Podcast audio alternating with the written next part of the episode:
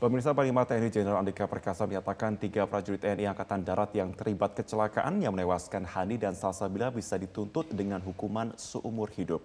Panglima juga berkomitmen mengawal proses hukum para tersangka agar keluarga korban mendapatkan keadilan. Di sela-sela kunjungannya di Kabupaten Bantul, Daerah Istimewa Yogyakarta, Panglima TNI Jenderal Andika Perkasa mengungkapkan proses hukum tiga anggota TNI yang terlibat dalam kecelakaan dan pembuangan Handi dan Salsabila ke Sungai Serayu beberapa waktu lalu. Sementara itu ketiga anggota telah ditetapkan sebagai tersangka sejak hari Rabu. Ketiganya berada di instalasi tahanan militer Pomdam Jaya. Menurut Jenderal Andika, Kolonel, Kolonel P adalah inisiator pembunuhan berencana. Pada hari Senin mendatang akan dilakukan rekonstruksi pertama di Nagrek, Jawa Barat Lalu pada hari berikutnya akan digelar di Jembatan Serayu, Jawa Tengah. Jenderal Andika meminta proses hukum dipercepat dan selesai pada minggu depan, sehingga berkas dapat dilimpahkan untuk dilanjutkan ke pengadilan.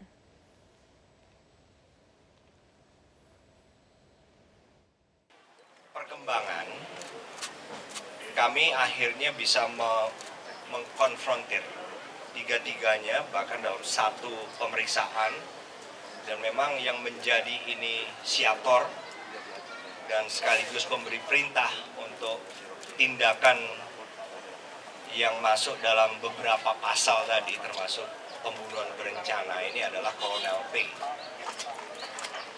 Nah, sehingga jadi sudah terbukti dari konfrontasi ini. Nah, sehingga memang hari Senin besok itu akan dilakukan rekonstruksi di TKP Polisi masih mendalami status hukum vaksinator dan pengguna jasa joki vaksin di Pindrang, Sulawesi Selatan, di mana sebelumnya joki suntik vaksin Abdul Rahim sudah ditetapkan sebagai tersangka dengan dikenai wajib lapor. Abdul Rahim ditetapkan menjadi tersangka dalam kasus joki vaksin. Pria berusia 49 tahun ini menjadi tersangka setelah polisi memeriksa sejumlah saksi mulai dari para pengguna jasa joki vaksin, tim vaksinator, dan petugas Dinas Kesehatan Kabupaten Pindrang. Namun menurut polisi Abdul tidak ditahan dan hanya dikenai wajib lapor karena ancaman hukumannya hanya satu tahun penjara. Keterangan dari saya saksi bahwa betul saudara Abdul yang menawarkan terkait uh, kejadian ini, dia menawarkan langsung kepada korban uh, saksi untuk menggantikan. Jadi keaslian dari kartu vaksin itu betul, itu adalah hasil ataupun keluar dari uh, tempat vaksinasi. Jadi uh, untuk saudara Rahim, jadi kita sangkakan di, di sebagai tersangka terkait pasal itu. Saudara Abdul Rahim tidak kita tahan, kita wajib laporkan karena ancaman pidananya cuma satu tahun. Jadi tidak ada alasan kita untuk melakukan penahanan, cuma wajib lapor. Sebelumnya Abdul Rahim mengaku sudah tiga bulan menjadi joki vaksin COVID-19. Abdul mengaku menerima 17 kali suntikan vaksin dengan menggantikan 15 orang yang seharusnya disuntik vaksin, ditambah dua kali suntik vaksin bagi dirinya sendiri. Jangan takut untuk divaksin, ini anjuran. Saya Abdul Rahim, eh, saya telah melakukan eh, vaksinasi 14 kali, eh, 14 orang pengganti eh, 14 orang pengganti vaksinasi. Adapun suntikan yang saya di eh, yang saya disuntikan 16 kali. Upah yang diberikan kepada saya itu antara 100 sampai 800 ribu. Sementara itu terkait apakah vaksinator dan pengguna jasa joki vaksin akan turut menjadi tersangka atau tidak, polisi masih mendalaminya. Polisi masih mendalami status hukum 15 pengguna jasa joki vaksin Abdul Rahim dan petugas vaksinator di tujuh titik tempat Abdul Rahim disuntik vaksin. Tidak ada yang mustahil dalam sepak bola dan segalanya masih bisa terjadi. Itulah pesan yang disampaikan pelatih Sinteyong untuk menyemangati para pemainnya jelang final leg kedua Piala AFF 2020 kontra Thailand. Menatap laga hidup mati ini evaluasi telah dilakukan. Sementara semangat para pemain tetap membara meski kalah 0-4 di leg pertama. Pelatih Sinteyong meminta pemain untuk tetap menegakkan kepala dan mempersiapkan diri sebaik mungkin untuk leg kedua. 어, 일단은 2차전에서는 우리가 어, 대량 득점을 해서 이겨야 되겠지만은 어, 조심스럽게 그래도 경기를 하면서 우리가 차분하게 경기를 풀어 나가야 된다고 생각하고 있고 또한 선수는 어, 내일 경기에 어, 명단이 나와야만이 Menggawa timnas Garuda pun memastikan dalam kondisi terbaik dan siap tempur untuk membalas kekalahan. Di Stadion Nasional Singapura 1 Januari 2022, Indonesia wajib menang dengan selisih minimal 5 gol pada leg kedua untuk menjadi juara. Selain kerja keras, doa dan semangat dari masyarakat Indonesia sangat dibutuhkan untuk mencapai target tersebut. Kontroversi atas keputusan wasit di gelaran Piala AFF mendapat sorotan dari berbagai pihak. Banyak yang menilai bahwa AFF sebagai otoritas sepak bola di Asia Tenggara harus segera menggunakan video assistant referee agar tidak ada keputusan yang salah dari wasit saat memimpin pertandingan. Beberapa keputusan wasit yang menjadi sorotan adalah laga antara Indonesia kontra Singapura hingga laga Vietnam melawan Thailand. Meski begitu, Ketua Kompetisi AFF yakni Sri Francisco Kalbuadilai menilai bahwa wasit sudah berusaha memimpin pertandingan dengan baik dan hasil akhir dari wasit harus diterima dengan baik. Pria yang menjabat wakil presiden AFF tersebut menjelaskan terkait penggunaan VAR di Piala AFF edisi mendatang. Menurutnya, menyiapkan VAR melibatkan biaya yang besar serta membutuhkan wasit yang memiliki keahlian yang diperlukan untuk menjalani sistem VAR. Football, you know, uh, always sometime some small part always complaining, but you know the game is there. We learn the game always FIFA or AFC and uh, whatever. Football is a fair game. fair play. So when the result come, you may complain this and that, but you know, I think every part tried their best, including the referee. We as a spectator, we saw, we saw, oh, referee did this, referee, did but you know, sometimes it may be missed, we don't know. But when the game's gone, we have to accept it.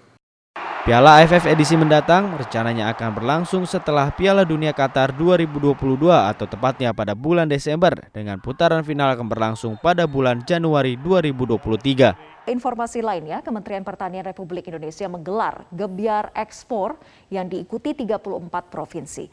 Pelepasan ekspor yang digelar ini di penghujung tahun 2021 berpusat di kota Makassar, Sulawesi Selatan dengan nilai ekspor sebesar 14,4 triliun rupiah dan dikirim ke 124 negara tujuan.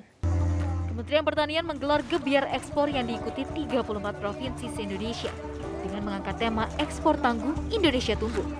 Pelepasan gebiar ekspor penutupan akhir tahun 2021 dipusatkan di Pelabuhan Soekarno-Hatta, Makassar, Sulawesi Selatan.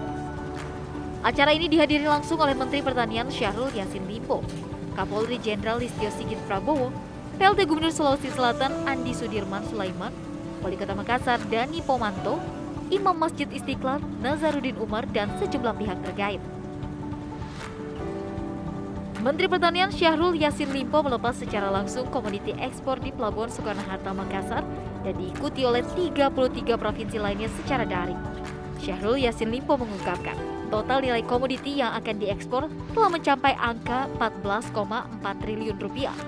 Khusus untuk di Provinsi Sulawesi Selatan, nilai ekspor Sulsel sejak Januari hingga Desember 2021 mencapai 2,8 triliun rupiah.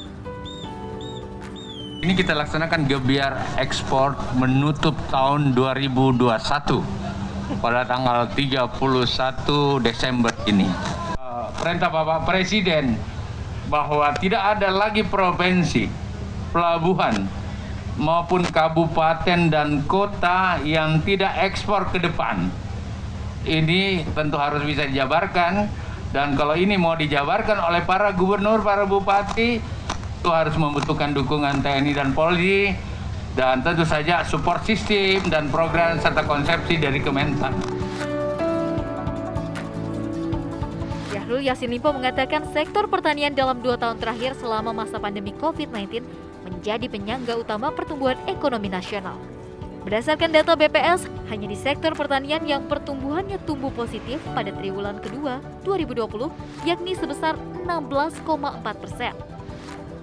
Adapun komoditi yang akan diekspor ke sejumlah negara antara lain kacang mede, minyak kulit mede, kopi biji, lada biji, cengkeh, pala, ampas sawit, dedak gandum, frozen taro atau satoimo, rumput laut, getah damar, dan sayur bayam beku.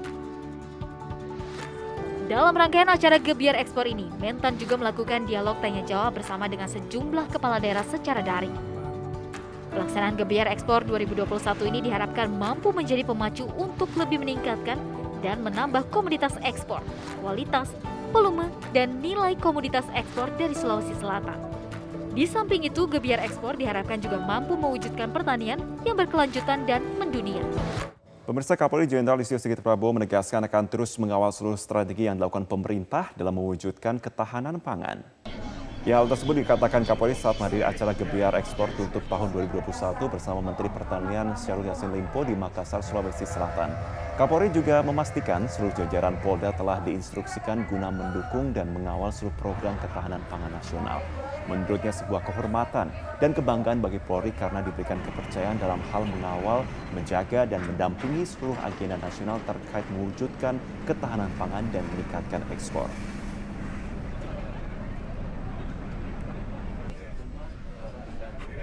Itu semua bisa berhasil manakala terjadi sinergitas dan soliditas antara pemangku kepentingan untuk melaksanakan aksi satu tekad dari hulu sampai hilir dengan seluruh stakeholder, seluruh fungsi-fungsi kementerian terkait dan salah satunya adalah polisi.